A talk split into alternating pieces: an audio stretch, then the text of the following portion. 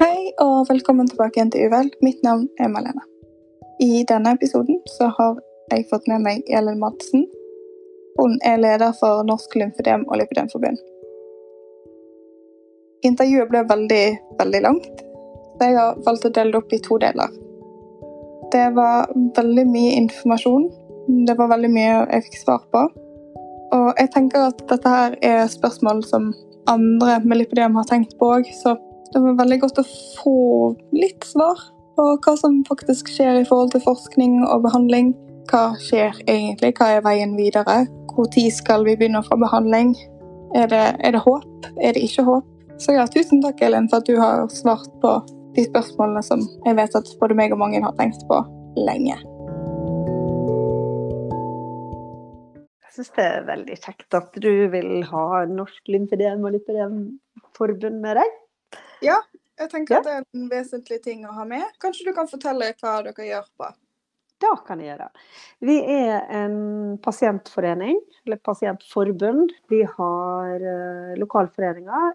20 foreninger spredd utover hele landet. Eh, vi har ca. 2000 medlemmer, litt over 2000. Og vi jobber jo for to diagnoser. da. Vi har lymfødem og lipødem. Eh, men i dag så konsentrerer vi oss om lipidem. Ja. kan kanskje si litt om hva vi har gjort i løpet av de årene jeg har vært med. Mm. Da begynner det snart å bli fire år. Så har vi, ja, eller før jeg ble med, da, så, så hadde forbundet begynt å engasjere seg litt politisk eh, overfor sentrale myndigheter når det gjelder lipidem. Fordi at eh, lipidem er åpenbart en sykdom, da vet vi jo. Formelt har vi ingen kode, så vi har ingen rettigheter. Det betyr at vi går bare her med vondtene og plagene våre. Og når vi går til lege, eh, så blir det òg sånn at legen noterer kanskje i journalen at eh, vi har eh, smerter i lår og armer eller hvor vi nå har. Men i og med at det ikke er en diagnosekode, så blir det heller ikke registrert noen plass.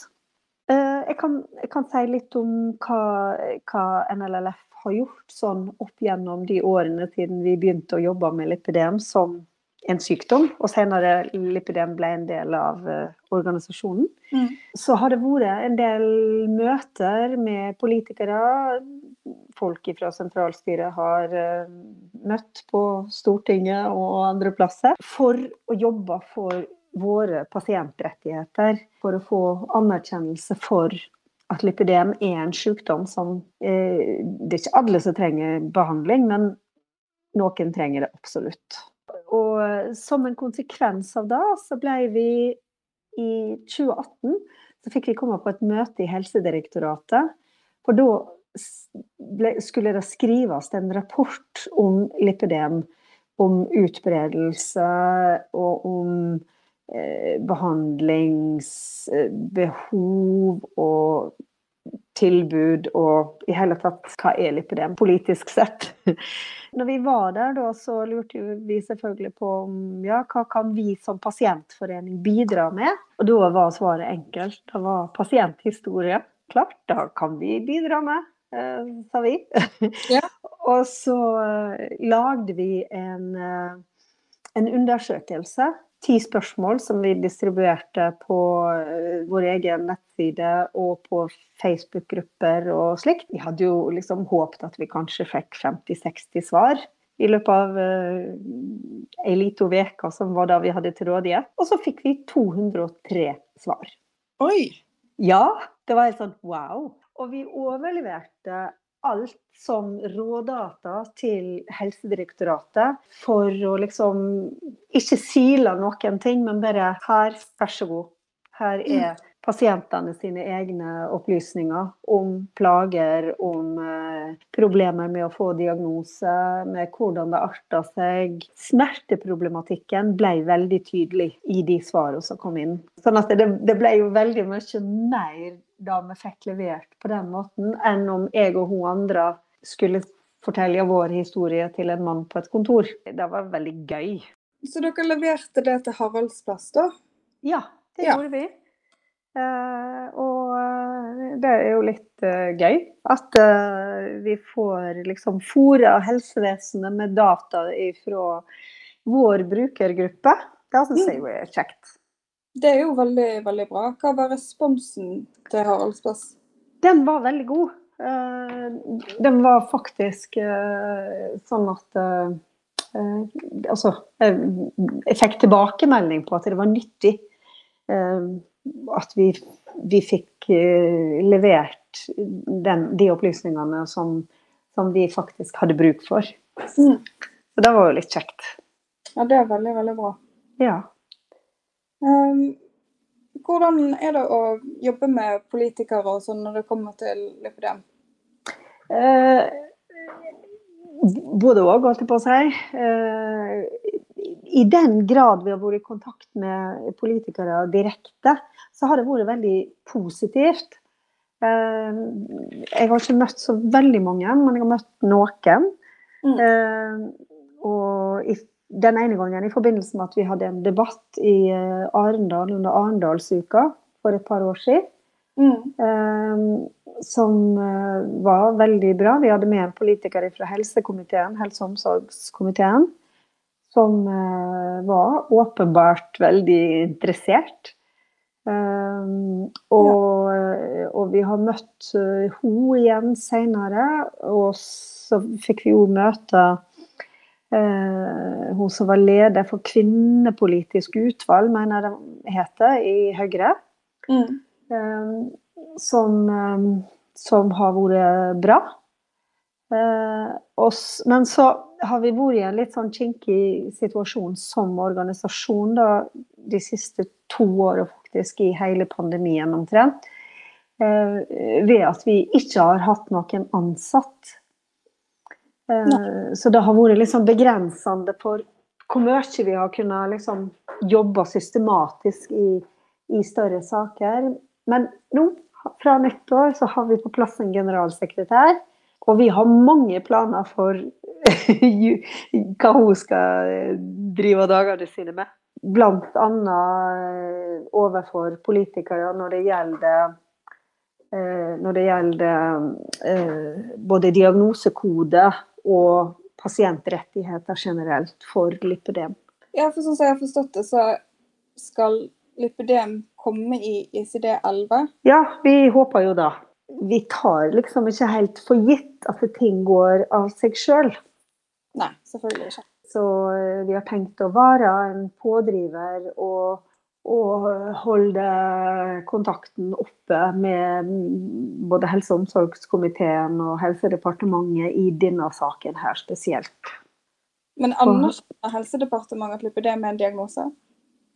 Ja, eh, det gjør de. For hvis ikke så hadde ikke Helsedepartementet bestilt den rapporten som jeg fortalte at vi bidro til. Mm. For da var en bestilling fra Helsedepartementet. Ja. Og, så, og etter at den rapporten ble levert eh, departementet, så har det òg kommet en ny rapport der, der helseregionene eh, har fått ansvar for videre utredning. Og det er jo da vi nå ser resultatet på, ved at det blir satt i gang et forskningsprosjekt i Helse Vest. Eh, men det skal òg i gang i de andre helseregionene. I Helse Nord har de jo holdt på en stund, men, no, men da vil komme med i den nasjonale studien som er under oppbygging. Ja. Og det er, jo veldig, det er jo fortsatt mye vi ikke vet om lipidem. Ja, eh, så òg eh, når det gjelder diagnostisering og liksom Hva er lipødem, og hva er store lår og store hofter? Vi er litt kritisk til sånn Facebook-diagnostisering. Det forstår jeg. ja. Det er jeg òg. ja, det, det, er fint at vi er på samme, samme ark. For det, at, eh, det, er jo ikke sånn at fordi du har kraftige lår, så har du lipidem. Nei. Det da å ha en kvinnelig fasong er nå egentlig bedre å ha en kvinnelig fasong, og det er ikke en sykdom å være kvinne. Da at det blir forska på lipidem, ser vi som en nødvendighet for å få systematisk diagnostisering og oppfølging som mm kan være nyttig. Nå har det jo vært en god del folk som har blitt operert privat, Og da er vi selvfølgelig ikke imot. Det er helt fint at folk har mulighet til å få helsehjelp der de kan. Men vi ønsker jo at altså Vårt mål er at det skal være et offentlig behandlingstilbud som, som gir relevant helsehjelp. Og nå får vi jo da som da landet i Europa en stor studie på, som ser på, på um, fettsuging på lipødem systematisk. Det vil ikke være alle som er med i studien som blir operert.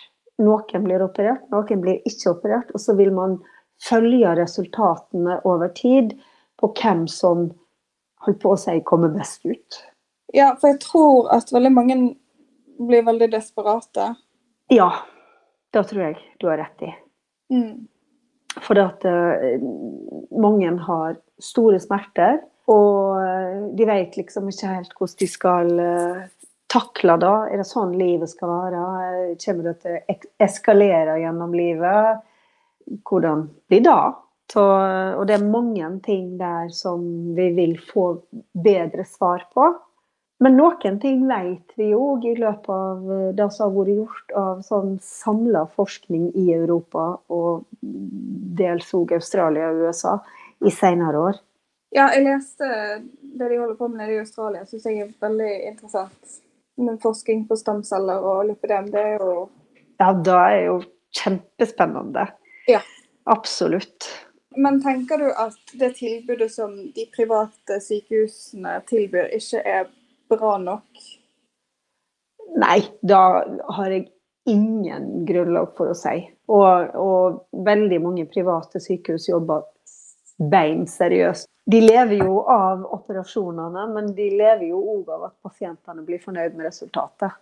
Uh, og da er jo i seg sjøl fint. Veldig mange får et mye bedre liv etter operasjon. Ikke alle gjør det, dessverre. Uh, men hva som er grunnen for det, vet man ikke. Da, sånn er det jo med enhver operasjon. At, uh, og det er jo sykdommer som ble operert for ti år siden, som ikke blir operert i dag. Ellers òg. Altså, med det vi vet nå, så er liksom fettsuging den beste og mest relevante behandling som fins. Å få forskningsresultat som enten slår det fast, eller som finner ut noe annet. Altså Der må vi jo bare være åpne og og tenke at vi vil vite fakta. Vi vil vite hva som er best behandling. Ja, selvfølgelig. Jeg har ofte tenkt på om, om det kanskje finnes andre behandlingsmetoder enn operasjoner. For det er jo ganske alvorlige operasjoner. Det er jo ikke Altså, det er veldig hardt på kroppen. Det er jo da. Og det er jo liksom fra to-tre til kanskje fem, seks og sju operasjoner enkelte er gjennom. Det, det er voldsomme greier, det også. Ja. Ja, jeg fikk jo beskjed om at jeg trengte seks operasjoner. Ja, sant. Og det, det er en belastning med operasjonen i seg sjøl. Det er lang rekonvalesenstid. Og for ikke å snakke om å gå med hard kompresjon i månedsvis. Mm. Og, så det er jo det er ikke noe quick fix uansett. Nei, det er det ikke. Som sagt, det er jo veldig slitsomt å føle at man ikke blir sett av helsevesenet, altså det offentlige helsevesenet. Visst er det da. Da hjerteskjærende vi eh, får tilbakemelding om litt for ofte, dessverre. Om ja. folk som har gått til lege og fått beskjed om å slanke seg. Og folk som har sagt at 'jeg tror jeg har lipidem', og fått til svar at det, det er ingen sykdom. Og begge deler er jo forferdelig. Ja, det er jo det. Jeg, jeg, følte ikke meg sett før jeg var hos privat. Nettopp. Og, og bedre da å få liksom en anerkjennelse på at du, jo, faktisk, du har en sykdom. Det er ikke, du er ikke ei sutrejente, sant? Nei. Nei, det er det. sant? Men det var veldig hardt. Jeg var veldig lei meg etterpå, selv om jeg ja. var forberedt på det. Men det, det er noe med å få det svaret òg. Det er ikke noen god følelse likevel. Nei, det er, ikke, det er ikke noe mål i seg sjøl å få en lipødemdiagnose. Nei. Men jeg syns jo òg, når jeg fikk min diagnose, at det var en forklaring på veldig mange ting som jeg har slitt med eh, gjennom livet. Ja, absolutt. Og jeg tror veldig mange får en litt sånn aha-opplevelse når de finner ut at lipødem er en diagnose. Da blir det litt sånn Ja. oi. For med meg var det ren tilfeldighet. Det var en venninne av mamma som hadde lipødem òg. Og da Ja. mamma ble sånn 'Jeg tror du har det med det.' Jeg bare nei. Men jeg måtte bare innse at uh, jeg hadde jo det. ja. Hvorfor BMI-grense?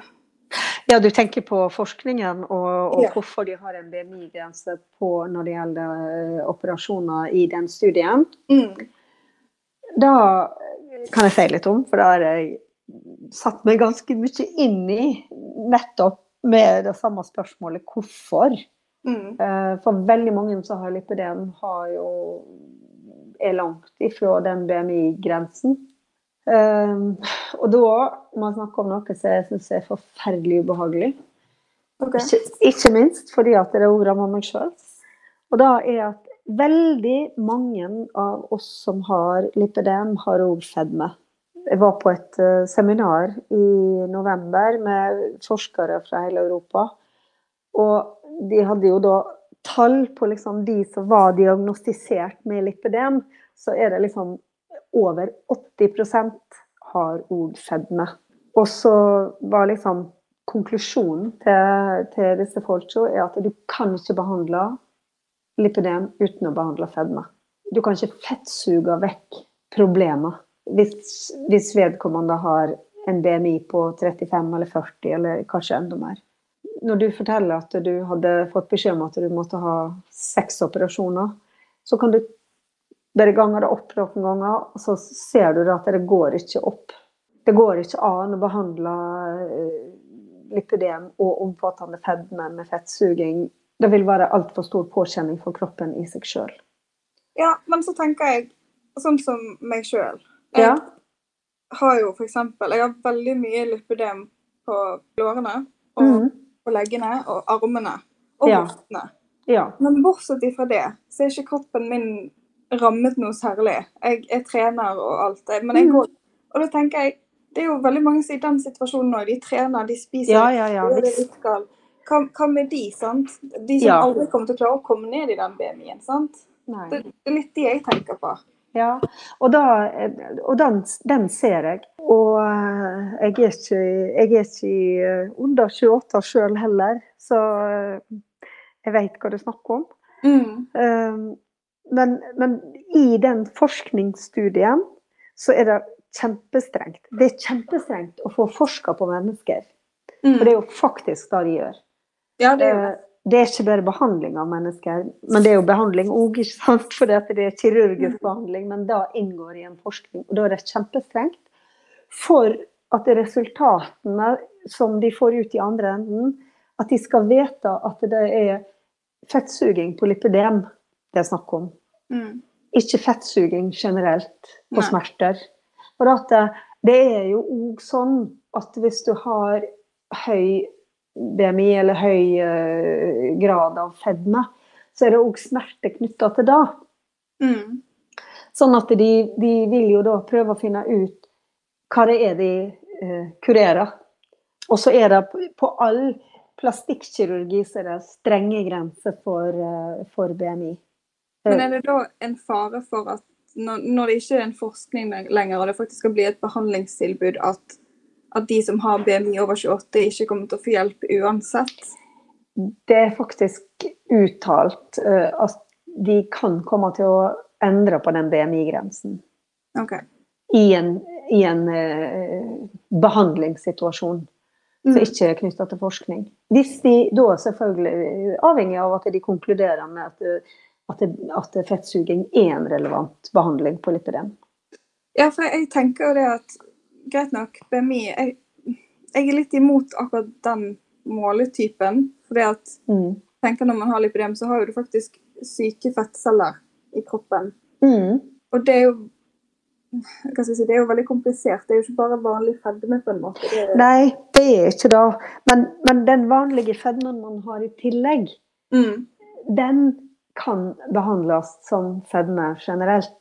mm, Eh, og dere er òg forska på dette her, fordi at det, altså, Når jeg begynte å lære om lipidem, så var liksom, det var en sannhet at du kunne ikke slanke deg. Mm. Men da er det ikke. Nei, det er det ikke. Man kan slanke seg. Og, og jeg har lipidem på lårene.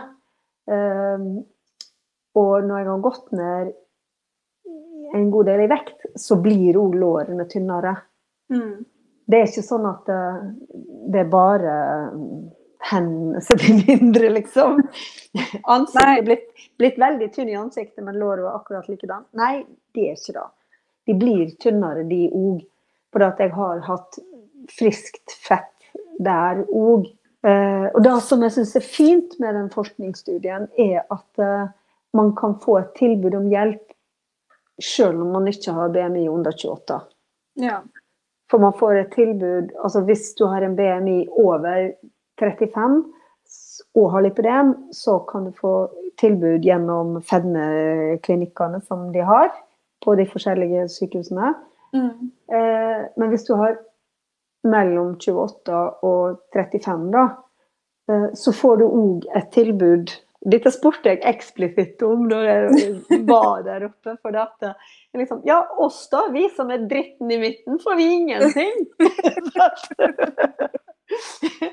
og så, eh, og da, var jo svaret at eh, jo, de som er, de kalte oss ikke for dritten i midten, da det var det jeg som gjorde.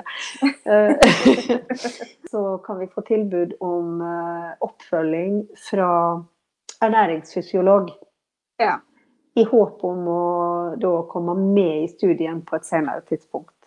ja, for det er jo veldig mange som ble veldig skuffa Ja, de nyhetene kom. det var det. det, var det. Helt ærlig, jeg som har vært så framme og frontet i aviser og på nyhetene og alt, jeg, jeg følte at jeg hadde skuffet egentlig hele Helse Vest med lipidem. For jeg følte at jeg hadde gitt dem et håp, sant? og så bare Å nei, nei. em, sorry. Ja, nei, men det er jo ikke sånn. Det er jo ikke sånn. For det at eh, vi finnes jo i alle fasonger. Mm. Eh, og altså, apropos det at det er veldig mange ting om lipidem vi ikke vet, så er det jo Jeg sa jo det at det er veldig mange som har lipidem, har òg fedme. Mm. Men vi vet ikke hvorfor. Eh, vi vet ikke om det er fedme som har utløst lipidem, eller om det er sånn at vi som har lipidem, har fryktelig lett for å legge på oss. Det tror jeg at vi har, faktisk. Det kan godt hende. Og dit, jeg kan bare stille spørsmål og kaste fram ideer, på en måte. Mm. Men jeg håper jo at de skal kunne finne ut mest mulig av sånne ting òg. For da å få kunnskap om sykdommen og diagnosen er jo i seg sjøl òg en lettelse. Det er det. Det, det fjerner litt av skyldfølelsen med å være overvektig og ha fedme. Ja, for det å ha lipidem er jo ekstremt stigmatiserende i Ja. seg sjøl. Men jeg òg er helt for at man kan gå ned i vekt selv om man har lipidem. Det, Ja, Men for mange er jo det nok veldig vanskelig. det er kjempevanskelig. Ja. Det er vanskelig, det er vanskelig for friske folk å gå ned i vekt og bli der. Mm. Og når man har eh, en kropp som streker ekstra, så eh, er det lett å tenke, og iallfall gjør jeg da, at det er ekstra vanskelig. ja. Jeg var jo normalvektig før jeg fikk litt på det. Ja. Og så bare kom det plutselig. Ja. ja. Ut av det blå. Nettopp. Ja, og det er en historie jeg har hørt mange fortelle. Mm. Så, og, og dette er jo òg ting som vi ikke vet så mye om. Ja. Så um, her er nok å forske på innen helsefag, altså. Ja. Det er det. Det er jo en vanskelig ting å forske på òg, for det kan jo være mange komponenter som gjør at det er blitt sånn. Det kan så. Og, men nå, nå er det faktisk flere forskningsprosjekt som pågår samtidig. OK. Um, eh, I tillegg til uh, det prosjektet som vi nå har snakket om, på, som blir ledet fra Harald Plass, så uh, pågår det forskning i Trøndelag. Det er faktisk to forskjellige eh, prosjekter som handler om kosthold og lipidem. Mm. Det er spesielt én studie jeg kjenner litt til, da, som handler om ketogent kosthold og lipidem. Mm. Eh, ikke eh, med hovedvekt på slanking og vektnedgang, men med hovedvekt på smerter. Mm. Uh, og da er interessant. Uh, Ja, det- Og hvis, hvis man kan finne fram til et kosthold som, som både er til hjelp for å, å komme ned i vekt når man har overvekt, og i tillegg bli kvitt en del av smertene, så er det jo sånn at livet begynner å bli litt bedre. Ja, nei, men jeg merker jo det at jeg begynte å trene og trente sånn som var riktig for meg og min kropp. Så, Ja, så har smertene faktisk blitt mindre. Jeg får heller vondt hvis jeg ikke går på trening. ja sant? Og da er jo eh, Det er jo i seg sjøl fantastisk. Og da Men jeg prøver liksom å tenke at jeg, jeg trener ikke for å gå ned i vekt, jeg trener Nei. for å ha det bra. Ja. Og da tror jeg er òg litt nøkkelen til suksess. Ja. De fleste slankekurer de kan være effektive som bare da, eh, med å gå ned i vekt eh, fort. Men når man da er i mål, så kommer kiloene på igjen, og, og gjerne med litt bonus. Ja, jeg snakket litt med Stefan Emme som akkurat er der, og han Ja. mente at alle med lipødem burde holde seg litt unna akkurat de tingene der. Han opplevde at man ble mye verre Nettopp. etterpå. Ja, og da er, det er faktisk eh, gjennomgående for de eh, ekspertene som jeg har vært i kontakt med eh, ellers òg, eh, med at slanking er i seg sjøl ikke bra. Fordi at man blir så fokusert på dietten og dagsplanen for å gå ned de kiloene det handler om. Mens Mm. det man egentlig bør ha fokus på, er et langsiktig mål om et bedre liv. Ja. Eh, Da være, komme i bedre form eh, på, på litt sånn Om et år fram i tid så skal jeg være i bedre form, og for da må jeg trene. Mm. Eh, om et år skal jeg være lettere å ha et bedre liv med å kunne bevege meg på en lettere måte. Så, men det er liksom sånn man må tenke altså Målet er jo uansett det samme, at man skal bli lettere på vekta. Men, Mm. men, men det er forskjell på, på en sånn sjokkslanking og da å, å liksom tenke på en livsstilsendring. Jeg skal gjøre noen endringer jeg skal leve med hele livet. Ja, det må jo være noe som på en måte er gjennomførbart, Ja. og ikke for krevende. Nettopp. Det må være Hvis du skal forsake noe, så må det være på en sånn måte at eh, jeg vet at jeg kan leve med det mer enn 14 dager. Jeg måtte ta en sånn, sånn realitetssjekk, for jeg har slitt med å få i meg mat i mange år. Ja. Eh, og så begynte jeg på keto-dietten. Sluttet jeg nesten å spise. Det Ja, nettopp for mye for meg. sant? Og, ja. så nå lever jeg med det at okay, jeg spiser ikke så mye gluten, jeg spiser ikke så mye poteter eller pasta eller ris. Jeg holder meg til vanlige grønnsaker som salat og sånt. Mm. Men jeg, jeg legger ikke noe sånn at jeg må spise under så og så mye karbohydrater hver dag, for da blir jeg koko. Ja. Da tror jeg det er lett å bli koko. Ja. Faktisk. Det har på en måte fungert for meg, da. Ja, jo, men og, og da Nå tror jeg du snakker om selve suksesskriteriet for å gjøre noe med livet sitt. Og, og da er å bli kjent med seg sjøl og finne ut hva som funker for meg. Ja. For at om du har en venninne som har gjort noe som funker for henne, så er det en helt annen person. Ernæringsfysiologene på, som, som jobber i denne forskningssammenhengen, da, de, eh, de snakker ikke om forskjellige typer kosthold. De snakker om ja, mengden kalorier totalt sett, og anbefalingene fra Helsedirektoratet om mer grovt, mer grønnsaker, Ja. mindre rødt kjøtt. Eh, også en balanse på inntaket. Mm. ja, det er jo utrolig viktig, selvfølgelig. Det er jo det. Og det er de samme gamle kjedelige tingene som jeg har hørt om så lenge jeg har hørt om kosthold. Og det er liksom good old fashion bondekost. Ja, det er jo det. Grovbrød og ja, grønnsaker og sånt. Ja, det er jo det som er på en måte det beste. Det er det. Det er det. Og jeg kan ikke leve på veldig fett eh, kost, fordi at jeg har ikke galleblære lenger. Nei, sant. Og da er òg en ting eh, som man må sjøl vite hva som er sine egne begrensninger, og hva, som, hva jeg kan gjøre. Ja. Eh, og om andre har funnet lykken i livet med å starte dagen med fett kaffe, så er ikke det sikkert at det er noe alle skal gjøre. Nei, men jeg ser jo det er et sånt konstant press eh, rundt mat hele tiden for veldig mange. Ja. Uh, og jeg tror, ut ifra de jeg har snakket med, så virker det som at alle egentlig har et veldig usunt forhold til mat. Ja. Noen er redd for å legge på seg, noen de klarer ikke å kontrollere seg. Og, mm. og det er et veldig stort problem. Og så samtidig så rundt oss så ser vi alle disse tynne, flotte modellene og ja. Alt sånt. Det, det, skaper et press som ikke burde vært der. Ja, det gjør jo det. Det gjør jo det. Det er jo sånn, det er jo ingen som ønsker å ha verken den ene eller den andre sykdommen. Eh, men jeg tror jo òg at eh, kunnskapen om lipidem, å få den kunnskapen inn i helsevesenet på stor bredde, altså helsesykepleiere, jordmødre, alle som kom i kontakt med kvinner i forskjellige faser av livet. Mm. Og unge jenter på ungdomsskole og videregående òg. At en får kunnskap og får hjelp til å finne fram om hvordan Hvorfor er jeg sånn som jeg er, og hvorfor har jeg de begrensningene? Jeg gikk jo i mange år rundt og tenkte at jeg er nå bare lat. Ja, det gjorde jeg òg. Ja, sant. For eh, jeg orker ikke de der eh, motbakkene som skal være så sunt.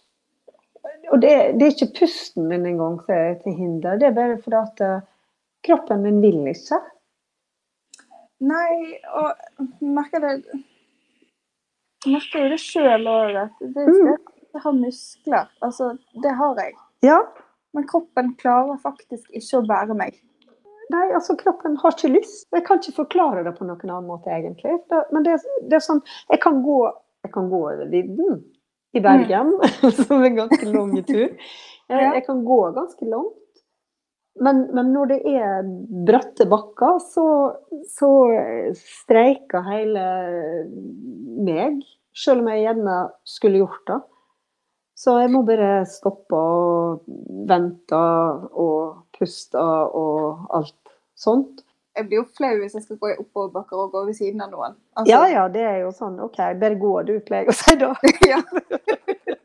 men, men sant, nå når jeg vet hva som feiler meg, at jeg faktisk har en greie som hindrer meg i å gjøre disse tingene Det gjør noe med selvbildet å vite at ja, men det er fordi jeg har lipidem. Det er ikke fordi jeg er lat. Jeg, jo, jeg, er ikke lat på noen av de andre områdene i livet. Sant? Jeg jobber og gjør det jeg skal, og får ting unna og alt sånt. Mm. Men det er bare akkurat i motbakkene jeg er ekstremt lat. ja. Jeg går veldig sakte sjøl. ja. Nei, jeg kan, gå, jeg kan, gå, fort på flaten når det er nedoverbakker, og kanskje til og med bitte litt motbakke. Mm. Men det skal ikke være veldig bratt før det butter. Nei, eh, jeg hadde en bakke som jeg gikk opp hver dag i uff, mange, mange, mange herrens år. Mm.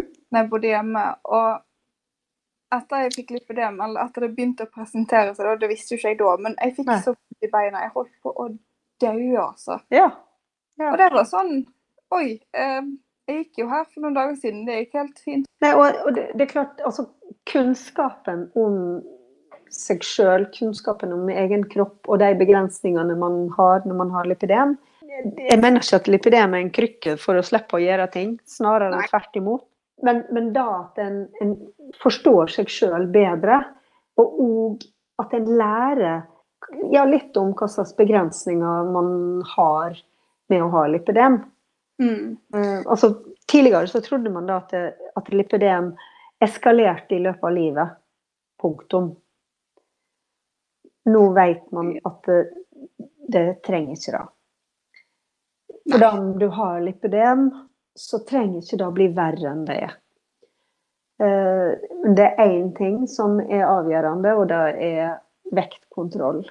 Mm. Det er ikke å bli tynn, men det er å ikke bli tyngre enn man er. Mm. Fordi at uh, altså fedme har en tendens til å eskalere i løpet av livet. Det har det. Og da, da kan lipidem òg bli verre. Ja, det er klart. Og, og, noen av de mest omfattende bildene vi selvfølgelig har sett etter at vi har begynt å google den sykdommen vi nå virkelig har. Mm. Eh, noen av de bildene er ikke bare lipidem, det er jo omfattende fedme. Hvis man tror at eh, man er nødt for å, å bli 200 kg kilo hvis man blir 80 år, så er jo det grunn for å eh, gå mentalt i bakken øyeblikkelig. Ja, jeg har jo reagert på For du vet hvis du søker lipidemstadiet på, på ja. Google f.eks. Ja. De, de, bildene som kommer opp på stadie 4 f.eks., det er jo ekstremt overvektige folk. Ja, det er det.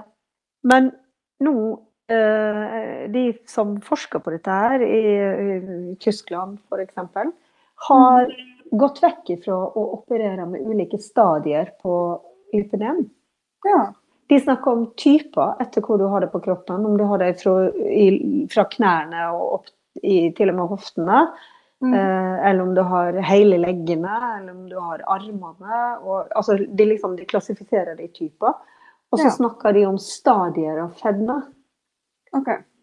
Eh, og da syns jeg er litt interessant, for da, da, da forteller òg litt om tankegangen. At det, det, er ikke noe naturlov som sier at om du har lipidem i lår og, og, rumpe eller legger eller armer eller hvor du har det Det er ikke, det er ikke noe naturlov som sier at det, det, det, må bli verre. Nei, altså det eneste jeg kan tenke meg som kanskje kan bli verre i løpet av livet, er jo smerter og sånt, kanskje.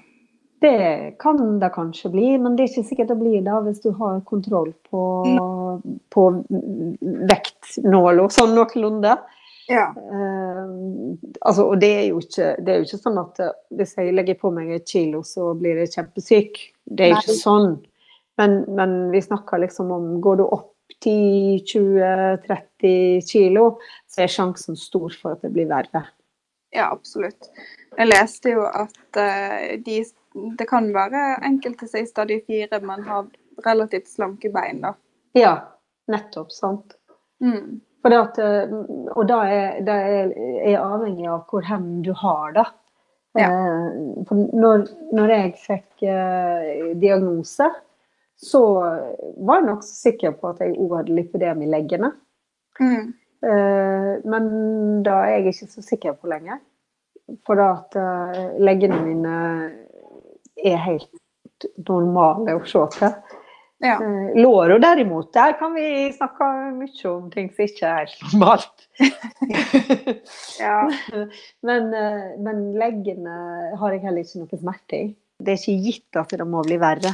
Nei, det tenker jeg òg. Og mm, sånn som med trening og sånt, og jeg håpte jo at jeg gikk litt ned i vekt. Jeg har kun gått ned i ansiktet og litt mm. over armene, da. Ja. Så nå ser du lypedemen i armene mye mer tydelig enn det jeg gjorde før. Ja. ja. Men i beina så har ikke jeg gått ned et gram, altså. Nei.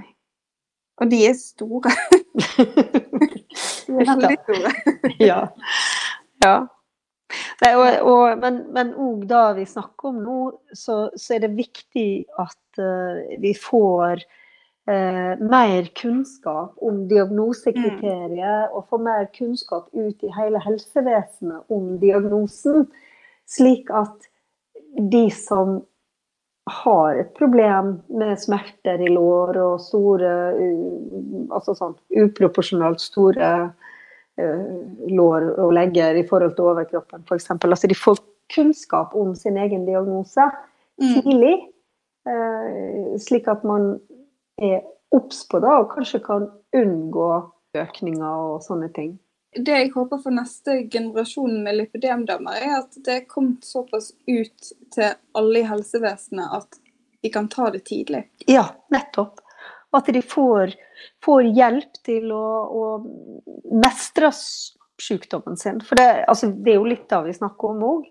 Mm. Eh, og, og, liksom vite hva, hva, dette er for noe. og hva jeg kan gjøre for å forhindre at det blir verre, i hvert fall. Mm. Men um, hva tenker sykehusene i forhold til smertelindring og sånt? Uh, da tror jeg ikke det har vært spesielt mye oppmerksomhet på sånn. spesielt smertelindring på lipidem. Det er jo noen som har så ekstremt smertenivå at det da i seg selv er invalidiserende. Da blir det behandla som smerter og med smertelindring på lik linje med smerter av andre årsaker. Mm. Eh, men det er nå heldigvis veldig sjeldent, da. Men jeg, altså, jeg vet ikke om at smerter i seg sjøl inngår i studien. Sånn. Men altså, jo, selvfølgelig, jo, det gjør jo da i og med at man skal vurdere resultatet av fettsuging i ettertid. Ja. Eh, og da vil man naturligvis òg eh, ha vurdering av smertenivå og slikt. For at eh, man opererer jo ikke av kosmetiske hensyn. Nei. Da kan du få gjort på en privat klinikk, eh, Ja. men da må du betale for sjøl. Men, men i lipidemstudien så, så eh, blir ikke kosmetiske ønsker om å ha en smalere kropp blir ikke prioritert. Nei, og helt ærlig, akkurat der så føler jeg at hvis det er det som er den eneste motivasjonen til å gjøre det, så blir det helt feil. Ja, jeg er helt enig med deg. For det, det er ikke det vi snakker om. Det er ikke, det er ikke en sykdom i seg sjøl å ha stor rumpe. Nei, men det er veldig mange som ikke kan så mye om lipødem, som tror at vi bare vil se tynnere ut. Da. Ja, det, jo da, jeg vil gjerne se tynnere ut, men det er ikke det jeg snakker om nå. Nei, sant? Det, Nei, det, det er klart, det har jo det, det er ting med lipidem som, som er vanskelig nettopp fordi at det handler om, handler om kropp og det handler om utseende. mm. Vi kan ikke underslå at det handler om det, men, men det er ikke det som er det viktigste. Det viktigste her er jo de plagene de medfører, med smerter, tyngdefølelse, problemer med å, å kunne gå en bratt bakke. Eh, altså problemer med å gå i trapper. Eh, sånne daglige ting som man faktisk ikke kan trene seg vekk ifra. Nei, og det er jo noe som har vært ille hos meg i perioder. Det er en krevende sykdom. Man er ofte sliten hele Ja. tiden. Eh, veldig lite energi, veldig lite Jeg klarer ikke å fokusere, Så, sånne ting. Det er klart det er, det er noen sider her som eh, absolutt uh, taler for at dette er en diagnose, i hvert fall. For at eh, man, blir ikke, man mister ikke energien sin fordi man ikke ligner på et glansbilde. Men jeg håper jo at vi skal komme ganske mye lenger i løpet av noen få år, egentlig. Ja, jeg håper jo virkelig det. Mm. Jeg tror ikke vi skal si oss så veldig negative ennå.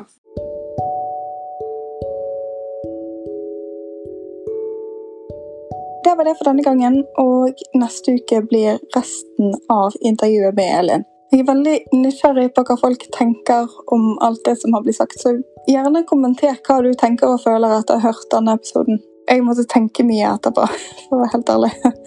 Det, det kunne jeg nesten ikke unngå. Det er mye informasjon å ta inn over seg, så hvis du trenger å snakke om det, så gjør det. Men jeg tenker det er mye positive nyheter her. Det er mye som skjer bak kulissene som vi ikke har visst om tidligere, og jeg er veldig glad for at Elin har gitt et svar på det. Hvis du har lyst til å dele din historie, så må du gjerne sende meg en melding på enten Facebook eller Instagram. Eller du kan sende meg en e-post på uvelpodkast.alfakrøllgmail.com.